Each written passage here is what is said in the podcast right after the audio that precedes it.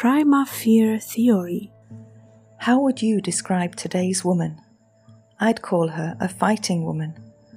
Above all, she fights for her independence, equality, and position. This fight is bloody, deprives of energy and joy, and creates fears for the future. Why do you want to be independent? I asked Megan. Why? She looked at me. I don't need anyone telling me what I can or cannot do. I want to be happy, she said firmly. This is where the problem lies. We often confuse happiness with independence. Honestly, these two things have little or nothing in common. If independence can really grant you something, it's only a small measure of freedom, but that's not about happiness. Happiness comes from inside and is not endangered by outer occurrences. Happiness may accompany us when we feel loved, accepted, and when we maintain good relationships with others. The problem with independence started at the dawn of civilization. Let's take our minds back to Eden. This is where the first act of independence took place. A woman takes control. She talks to a stranger and makes a decision without consultation with her husband. This is followed by a stream of misery. No, I don't blame the woman for everything. It was surely the man's fault as well. Adam is soft, does not step up to his role. Instead of using his head as a guide, he follows his heart. He fails as a man and as a family head. Sadly, this history is repeated down to our day. If you already fight or you want to begin your fight, your punches must be aimed in the right direction. You must have a strategy. If the fight is doomed to failure, then it's better not to begin at all. The resulting damage may be too painful. The way you chose won't lead you to your desired destination, I told her. Why? Megan was unhappy with my response. Because it's contrary to the way you're constructed. Each creation in the universe was designed by God for a specified role. I generally described Adam's role in my first article. He had to extend the boundaries of paradise and become a leader. However, the role of Eve was different. God created her as a complement to the man. Unfortunately, some people add some negative tones to the word complement, but that's a totally wrong practice. You have to complete something that is incomplete. In some way, that was the case of the first man without a woman. Eve completes a man because, just as Adam, she's created in God's image, but she possessed different divine qualities.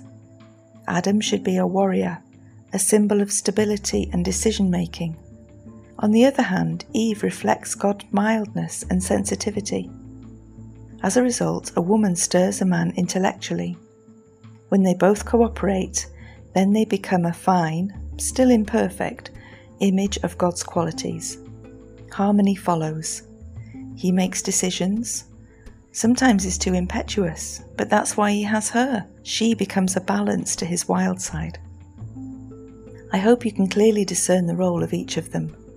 Though Eve is not a housewife, she's not a leader either. She's a partner working by his side. They become one body. If you understand that correctly, then you also notice what takes place in this world. A woman playing the role of a man made herself and a man unhappy. Present day man, especially in the well developed countries, has little in common with what God had purposed.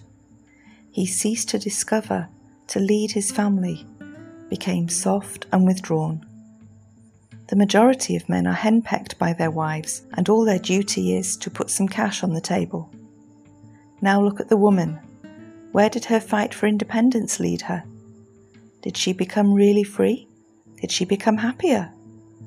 It's true that a woman can do much more than in the past, but so what?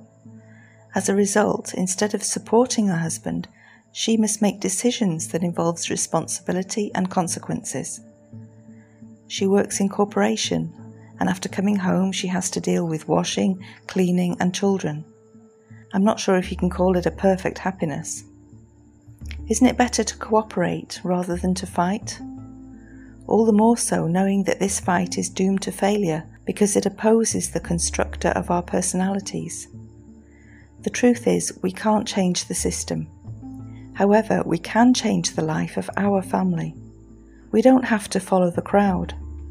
Sometimes I hear wives say, My old man is not the person I met. Or another says, My old man only sits in front of the TV and stares at it all day. If you think this way, or you notice it, Try to meditate on what happened to cause your old man to become withdrawn. Is it possible that you caused him to behave that way? Perhaps you might have wanted to become independent. But are you happy? Wouldn't you feel better being adored by him, inspired by him, discovering uncharted territory by his side? Find out more on pdolsky.com.